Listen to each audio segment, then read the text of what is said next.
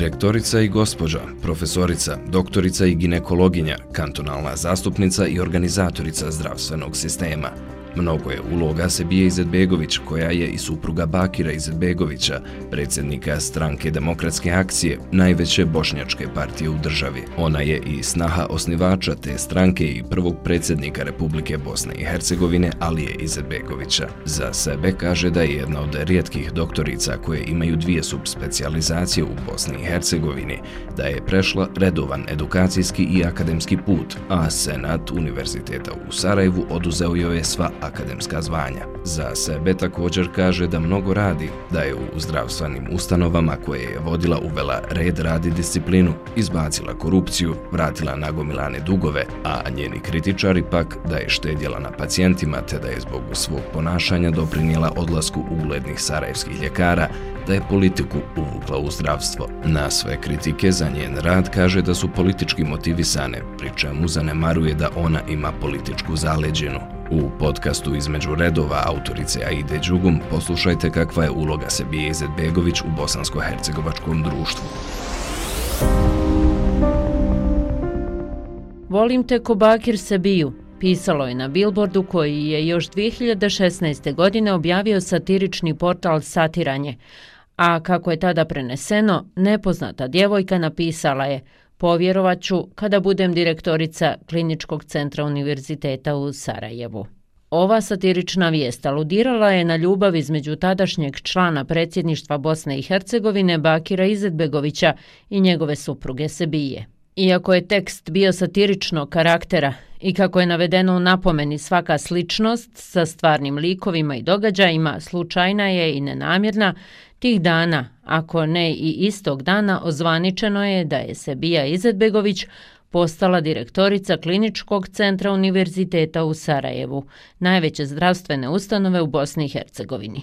Bila je jedini kandidat čitam izvještaj da je na dnevniku Bakir Zadvegović izjavio da je baš dobro da direktor Koševa bude neko sa dobrim vezama. Kuće bolji od njegove Sebije. Sebija baš ima precizno ime. Sebi ja.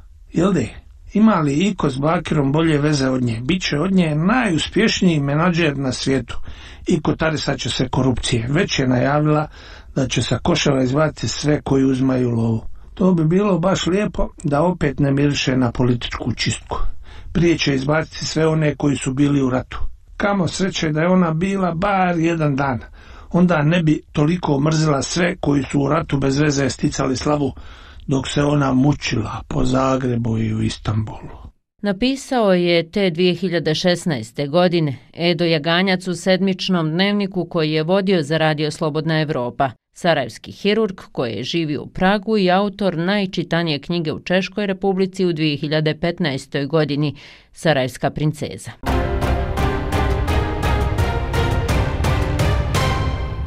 Ali sedam godina kasnije situacija je znatno ozbiljnija. Sabija Izetbegović ostala je bez akademskog zvanja i bez posla na Medicinskom fakultetu u Sarajevu, gdje je predavala kao redovna profesorica. Senat univerziteta poništio joj je magistarsku titulu, a samim tim i onu doktorice medicinskih nauka, tako da ne može više biti profesorica ni predavati na medicinskom fakultetu.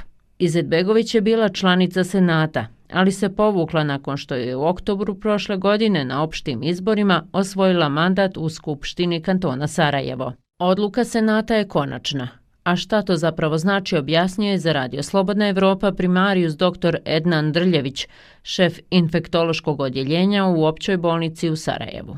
Što je ovo nezavisna ustanova, ako te fakultet proglasio da si nelegalno, znači na prevaru, dobio neku diplomu, da ti apsolutno više nisi član te akademske zajednice, izopćen, jer nema prava žalbe na ovo. Neće više nikad vratiti je na, na, na fakultet, jer to je ukinuto ne može svoj vratiti tu. Sabija Izetbegović i dalje je doktorica ginekologinja. Da ne bude zabune koje zvanje trenutno ima Sebija Izetbegović, objasnio je Bakir Nakaš, infektolog u penziji i bivši direktor opće bolnice Abdullah Nakaš u Sarajevu. U sadašnjem trenutku, znači, ona je diplomirala na medicinskom fakultetu položila je specijalistički ispit iz ginekologije, ima licencu kao ginekolog, ima licencu kao ljekar opće prakse, što znači da kao ginekolog i akušer može obavljati sve poslove samostalno. Zašto je poništeno zvanje magistra? Šta je bilo sporno? Objasnio je Rifat Škrijelj, rektor Sarevskog univerziteta na konferenciji za novinare početkom marta, kada joj je Senat poništio zvanje magistrice medicinskih nauka. Ne postoji diploma, to je sporno.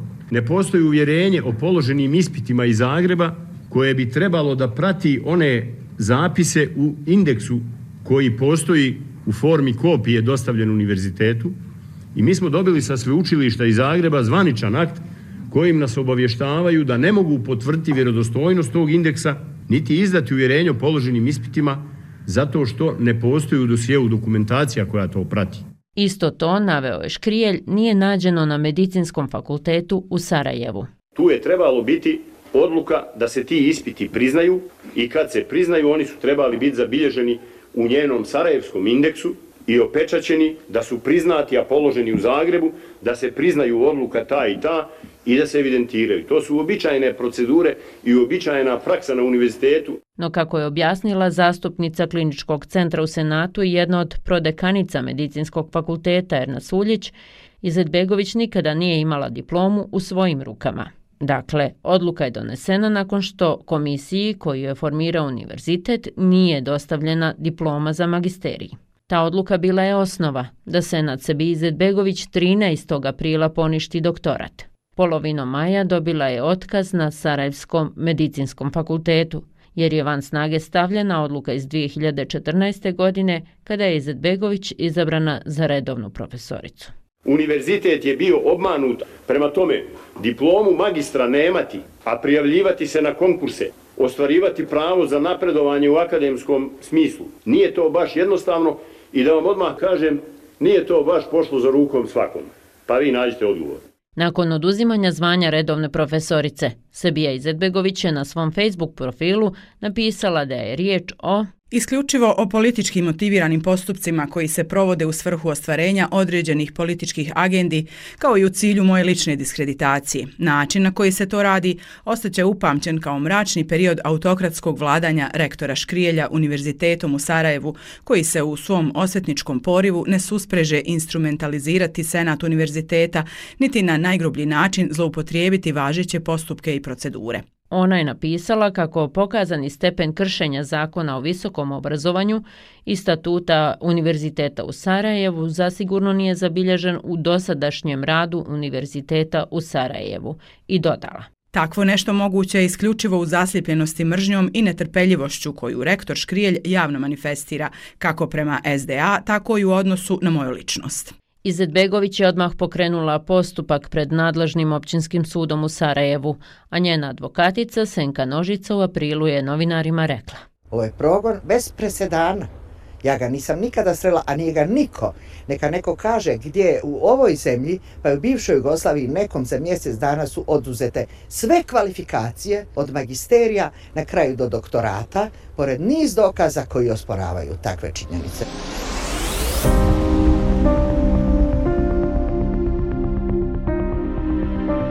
No sumnje, pa i sve glasnije izjave koje su dovodile u pitanje vjerodostojnost akademskih zvanja Sebije Izetbegović nisu počele od jučer. Još u maju 2021. godine tužilaštvo kantona Sarajevo pokrenulo je istragu o studiranju Izetbegović. Uprava za inspekcijske poslove kantona Sarajevo je utvrdila tada da zvanje magistrice Izetbegović zahtjeva dodatne provjere. Senat Univerziteta u Sarajevu formirao je dvije komisije jer jedna, ona prva s medicinskog fakulteta, nije uradila posao. Priča o diplomama se bije Izetbegović krenula je od njenog nekadašnjeg mentora, doktora Asima Kurijaka. Izjavila je to ona gostujući na televiziji Hajet 2. marta. To je optužba koja je od gospodje došla. Niti sam ja prvi, niti bi se htio kiti tuđim imperijem. Ja sam bio sto i prvi. Prije mene na to su javnost upozoravali stotinu otpuštenih liječnika, što je po mene najveći, daleko najveći grijeh. To je rekao Asim Kurijak gostujući na televiziji Sarajevo u maju ove godine. On je ranije u intervju za Face televiziju sa Senadom Hadžifejzovićem rekao da Sebija Izetbegović nije završila magisteriju u Zagrebu. Ponovio je svoje tvrdnje od prije dvije godine i to na istoj televiziji.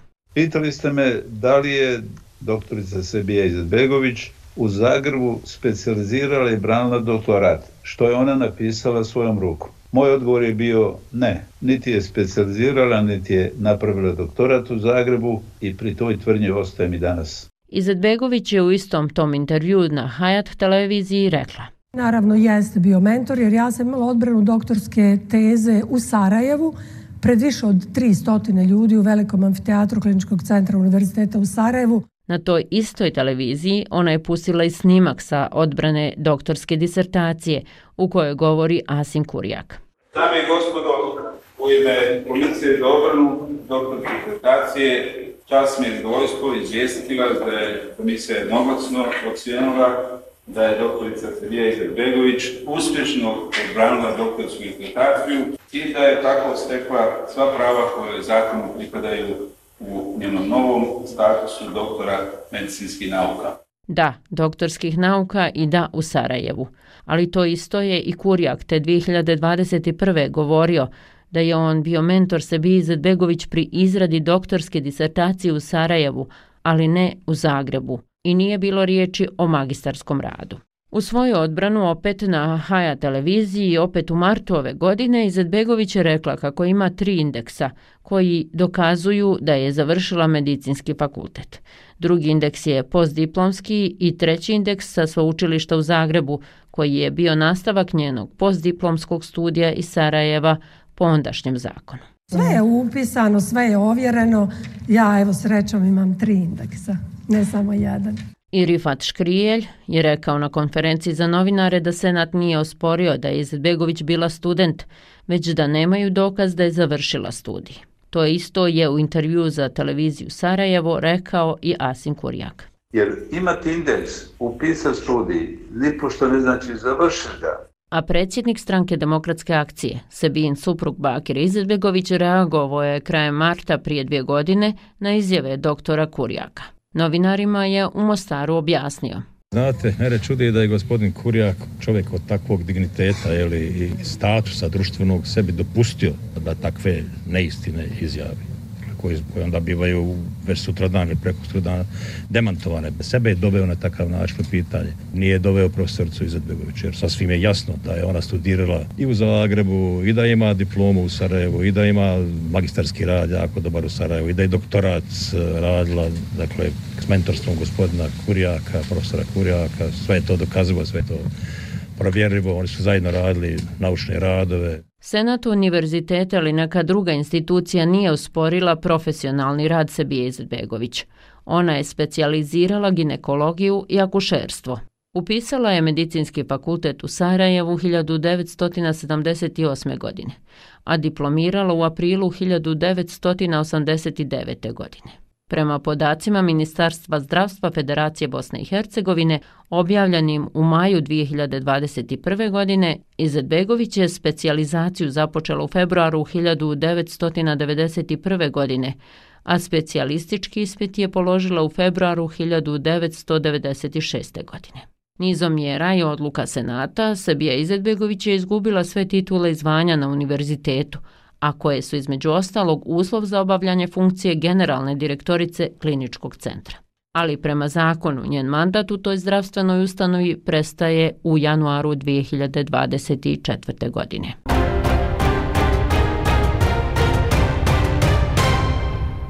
Želim večeras posebno poselamiti jednu ženu među nama. Čestitati joj na hrabrosti, upornosti i na uspjehu. Svaki dan je poselamim ujutro kao muž.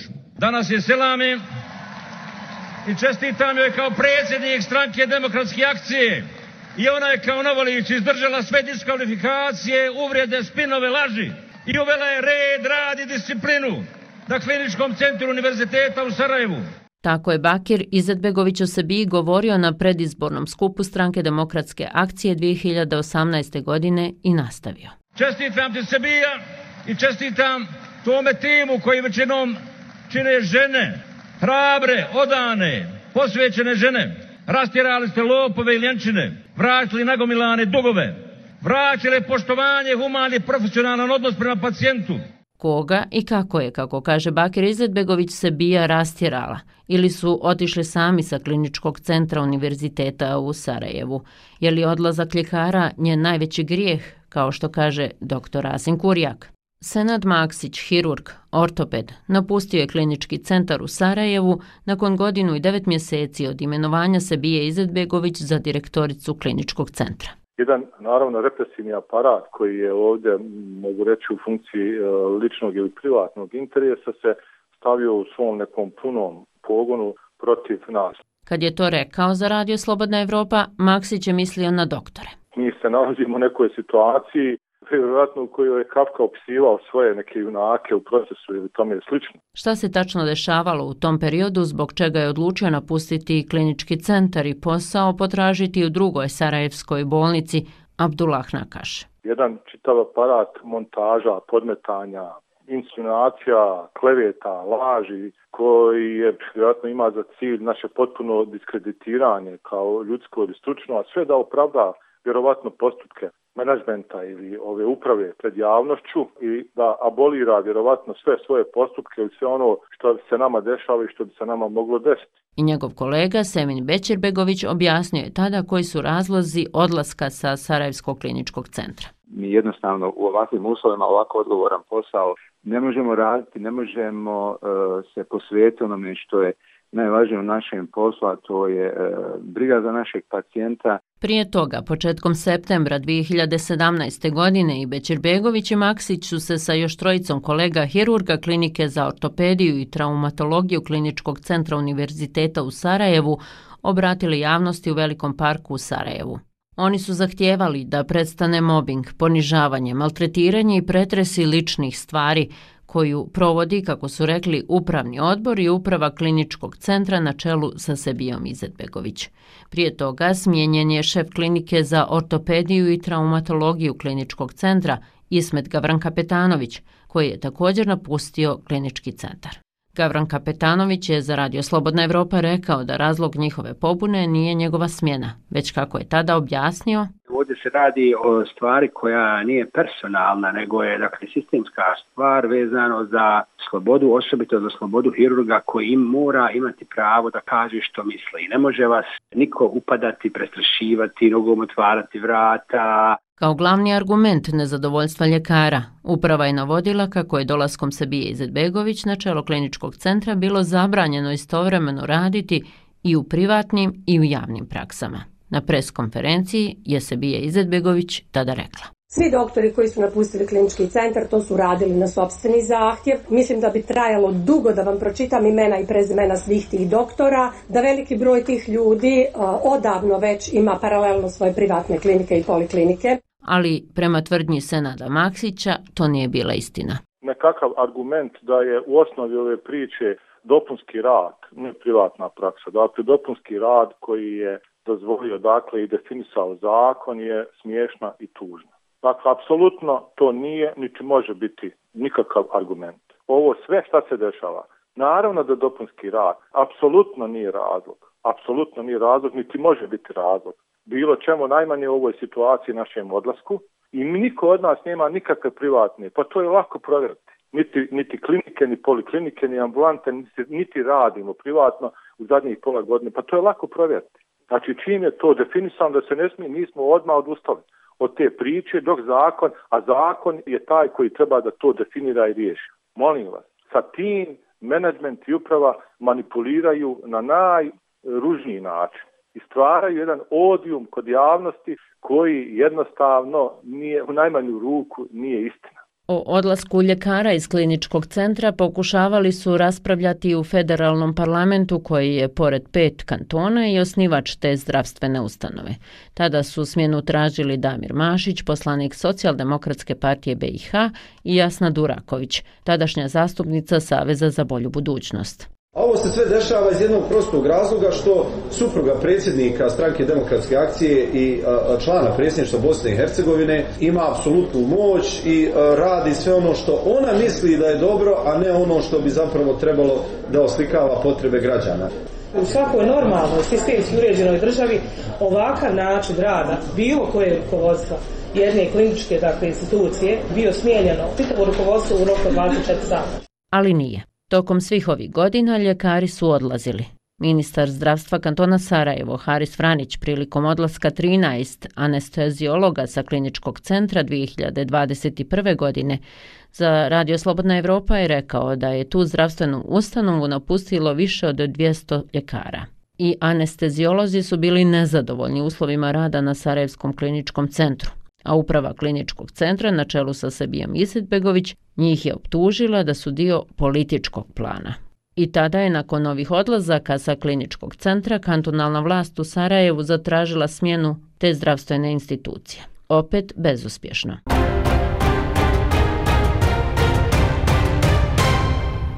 I anestezijolozi i ortopedi koje smo pomenuli i koji su se pobunili zbog uslova rada na kliničkom centru, prešli su tada u opću bolnicu dr. Abdullah Nakaš. Iz te bolnice je s pozicije direktorice i imenovana Sabija Izetbegović za direktoricu Kliničkog centra Univerziteta u Sarajevu, a ni to se nije moglo tiho završiti. S nove pozicije dolazile su i nove ideje. Mjesecima se javnost pripremala na to da će njena želja da postane direktor najvećeg kliničkog centra u Bosni i Hercegovini biti ostvarena, a da će opća bolnica, na čijem je čelu bila do tada, biti spojena s tom institucijom. U intervju za MTV Igman 25. maja 2016. godine Sebija Izetbegović je rekla. Ja i sad mislim da bi bilo bolje da se ujedini klinički centar i opća bolnica. Mislim da bismo tad imali više kadre jedni i drugi, da bismo mogli da radimo u dvije smjene, da bi bile bolje plate jer bismo uštedjeli čitav jedan menadžment, upravu, upravni odbor, nadzorni odbor, struju, vodu, plin, tralala, a mogli bismo da radimo mnogo bolje i da pružamo mnogo bolju uslugu i bržu uslugu našim pacijentima. I bila je ideja da se u prostoriji opće bolnice smjesti vlada Federacije BiH. O tome je baš u jeku priča o kidanju te Sarajevske bolnice pacijentica, slučajno anketirana građanka Sarajevu po imenu Meda za Radio Slobodna Evropa rekla. Kažu, pratite na televiziji, meni je to vam pamet. Šta su vam rekli da će možda zatvoriti, jel? Ja, da neće vjerovatno biti u, u junu mjesecu kad mi pada kontrola da neće biti ovdje, da će biti u kliničkom. Pravo sad idem i baš sam razočaran, ja trebam skraja, na kraj grada ići zbog neke gluposti. Šta, da bi ovdje bila neka mondena klinika, jel, za neke koji imaju para, a mi koji nemamo, koji smo srednja klasa, ko nas I išli ste da zakažete neki pregled? I ne, ja sam bila na kontroli i odmah mi daju termin sljedeće kontrole. Ole, ali, ali kažu, pratite na televiziji da li ćete biti ovdje. Marko, zašto ne bi bili? Je to zbog onoga, kažem, ma nije to, kaže, zbog onoga, vjerovatno da ćemo biti ko zna gdje će, nas više neće biti, oni su tako, ono, kao da će malo ne ostati bez posla. Pretpostavljaju da će gospođa možda unajmiti neko novo osoblje. Razgovor s Medom, anketiranom građankom, snimljen je ispred opće bolnice te 2016. godine. A u to vrijeme je predsjednik Ljekarske komore kantona Sarajevo bio Fahrudin Kulenović. Poštuje se škola, zanat, znanje, ali se smatra da se dva znanja postignu rođenjem samo, kad čovjek rodi. Zna organizovati zastav i sastaviti futbolsku reprezentaciju države. I u tom e, smjeru tako se i raspalja. Mene jako interesuju autori koji predlažu tu fuziju. Kolenović je ovo rekao u razgovoru za Radio Slobodna Evropa prije nego je smijenjen s te pozicije 2017. godine. On je nakon smjene za portal Kliks rekao da su umjesto njega postavljeni jataci direktorice kliničkog centra Univerziteta u Sarajevu, Sebije Izetbegović. Kako su utvrdili upućeni, tokom njenog mandata smanjen je broj prijema i broj poroda u bolnici, te redukovan broj pacijenata što je poboljšalo financijsku situaciju u bolnici, no primoralo pacijente da na drugim mjestima podraže pomoć. Zbog ideje da bi se mogla zatvoriti opća, a nekadašnja vojna bolnica koja je neprekidno radila 150 godina, građani su tada izašli na proteste, koji su tako izrazili nezadovoljstvo jer bi, kako je tada rečeno, Njeno gašenje bio bi zločin prema građanima. U ovoj bolnici sam se liječila više puta i želim da opstane. Jedna divna bolnica, ali diktatura je došla, daj Bože da izdržimo. Pa sigurno će ucati, će ljudi nemaju povjerenja, znate, gubi povjerenje, jer ako jedna žena poklapa čitao zdravstvo, to ne vodi ničem. Ako se ona pita za sve, to ne vodi ničem.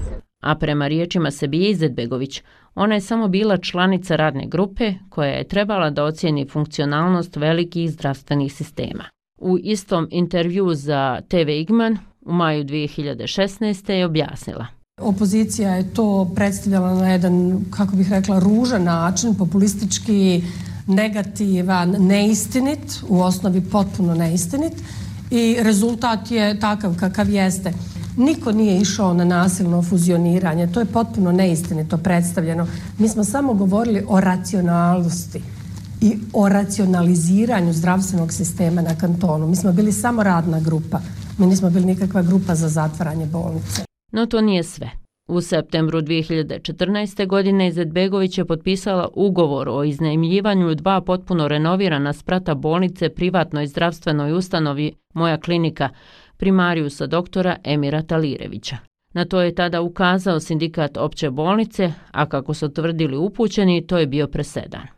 Do tada se nije desilo da jedna javna ustanova izdaje svoj prostor privatnoj zdravstvenoj ustanovi koja se bavi istom djelatnošću, patohistologijom, no plan nije uspio.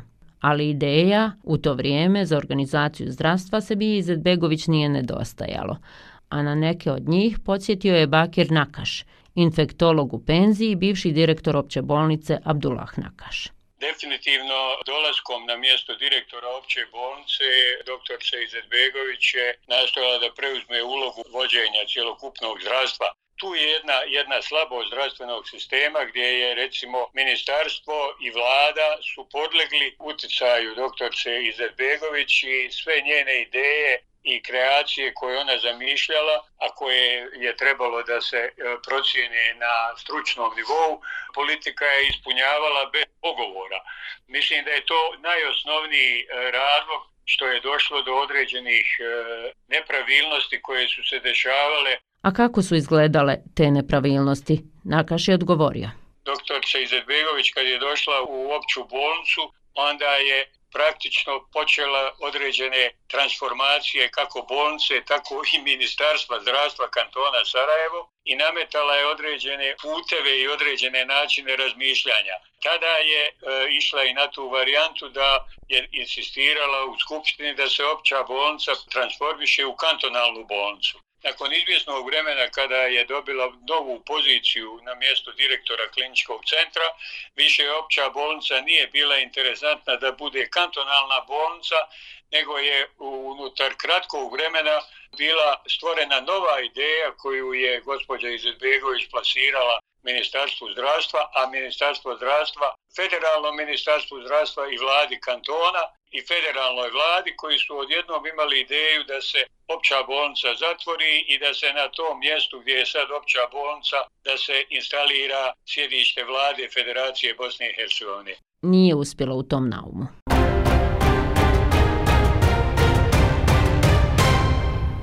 Kako se menadžment kliničkog centra u Sarajevu ponašao u najvećoj krizi od drugog svjetskog rata, pandemiji COVID-19? Činimo ogromne napore, zaista za nas nema radnog vremena i nadamo se najboljem. Spremamo se za teški scenarij, ali evo iskreno se nadam da će on biti puno bolji i naravno apelujem ponovo na stanovništvo da ne paniče, ali da se ne opuštaju. Ovo je izuzetno ozbiljna situacija, ukoliko se budu ozbiljno ponašali, ukoliko budu u samoizolaciji, ukoliko budu poštovali pravila o iznimno visokim higijenskim kriterijima, mislim da ćemo izbjeći taj ružni scenarij koji smo gledali u zemljama okruženja. Ovo je Sebija Izetbegović izjavila u intervju za Radio Slobodna Evropa odmah na početku proglašenja pandemije koronavirusa u martu 2020. Ali kako kaže Bakir Nakaš, infektolog, u BiH su generalno na početku borbu protiv pandemije preuzeli političari –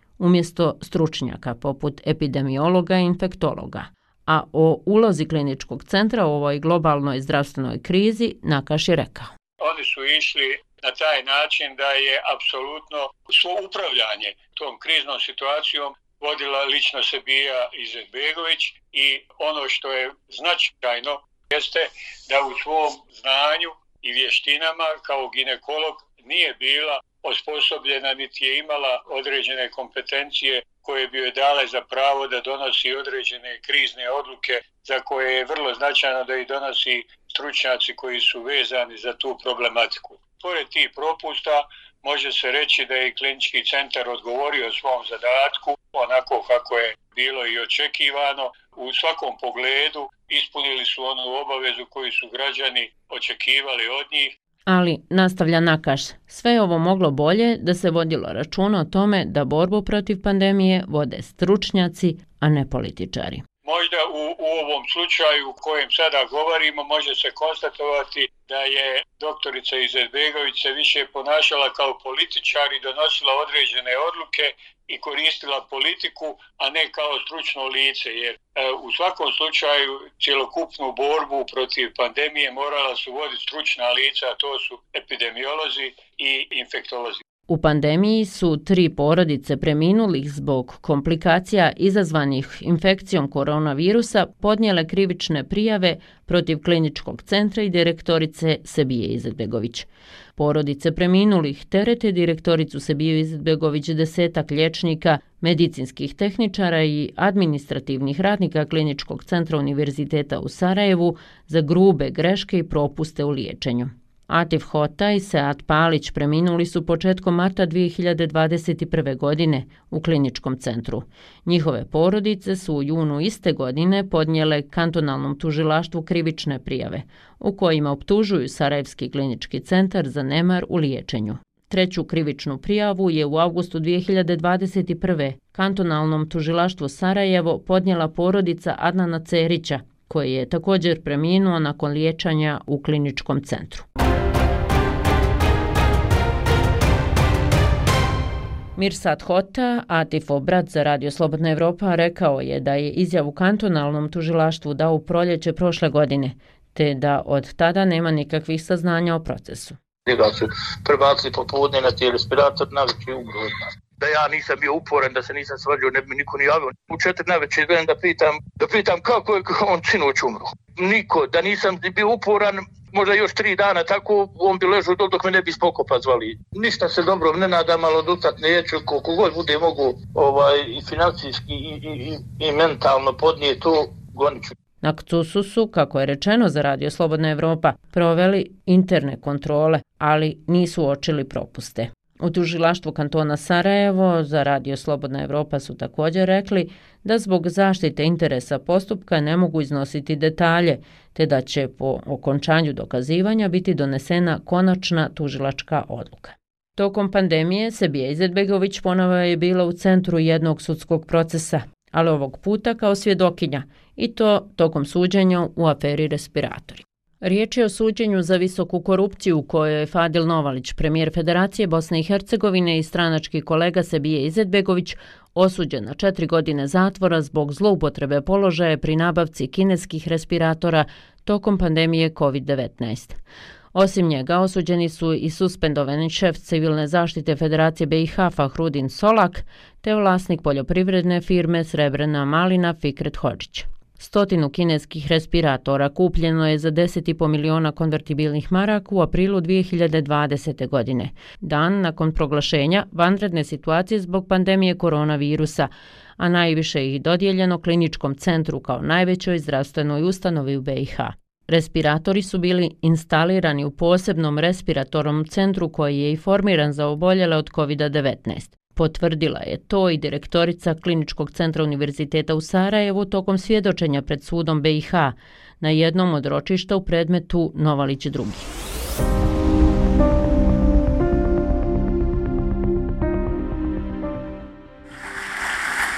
Ja nikad nisam imala namjeru da se bavim politikom, ali se politika previše bavila sa mnom. 2018. godine prvi put sam išla na listu i nisam uopće znala šta znači izborna jedinica 11, nisam znala koje su općine koje će glasati i bile su one koje meni nisu sklone, odnosno nisu sklone stranci demokratske akcije. Međutim, dobila sam 13.500 glasova, što je bilo spektakularno.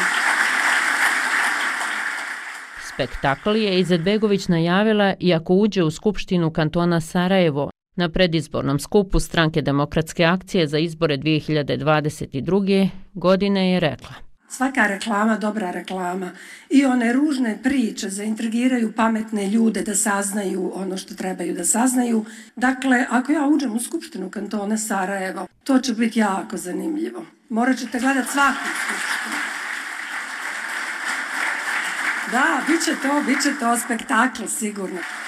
I ušla je u Skupštinu kantona Sarajevo i bila druga po broju osvojenih glasova iza Semira Efendića, bivšeg člana SDA. Ali još uvijek e, javnost te politički protivnici zamjeraju zbog načina na koji je vodila političku kampanju. Ona je na skupu 27. septembra 2022. godine govorila. Selamim vas, a selamim i te uzora za krvavljenih očiju, nesretnike i gubitnike koji su otpali od nas i krenule nekim groznim putevima koji će ponovo, kako reče naš Amor, ako uspiju, oditi u Tomašice, u logore, u stratišta i u masovne grobnice.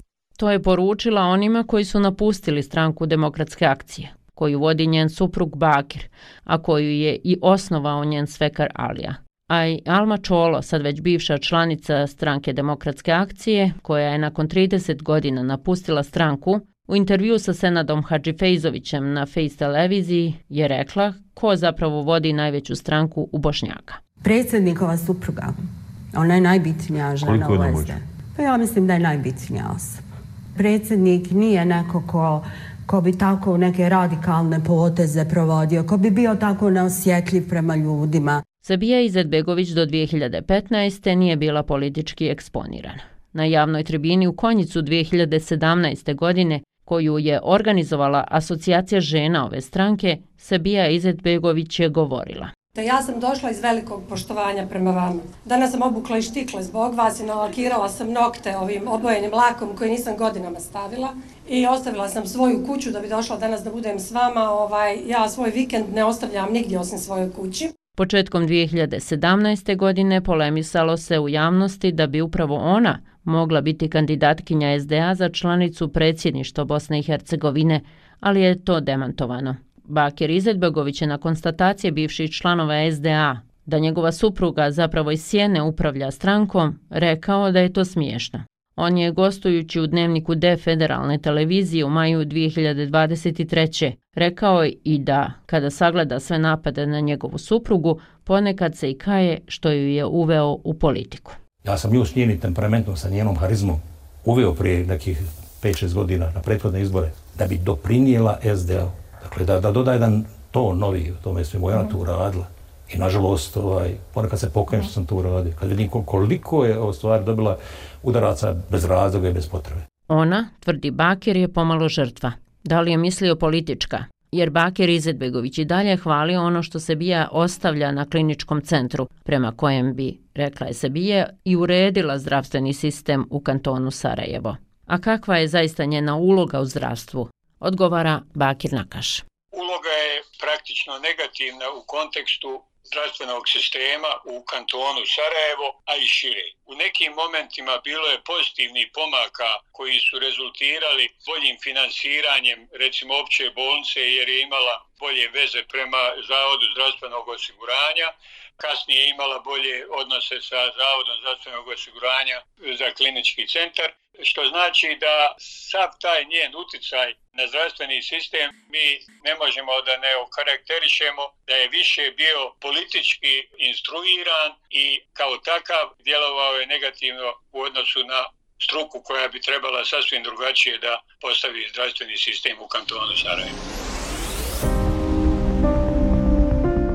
Prva dama u Bošnjaka, koju oni koji je podržavaju nazivaju sultanijom, čijoj kćerki je turski predsjednik Recep Tayyip Erdoğan bio svjedok na vjenčanju. Rođena je Podgoričanka, no veći dio života provela je u Sarajevu. Tu se obrazovala i upoznala supruga, te sve do imenovanja na rukovodeće pozicije u zdravstvenim ustanovama malo se znalo o njoj. Ali kako je njen politički uticaj jačao i ogledao se uglavnom kroz njenu ulogu u zdravstvu, tako je ona izazivala različite reakcije javnosti – od poštovanja i divljenja, uglavnom među političkim istomišljenicima, do bijesa i ljutnje, građanstva i političke opozicije.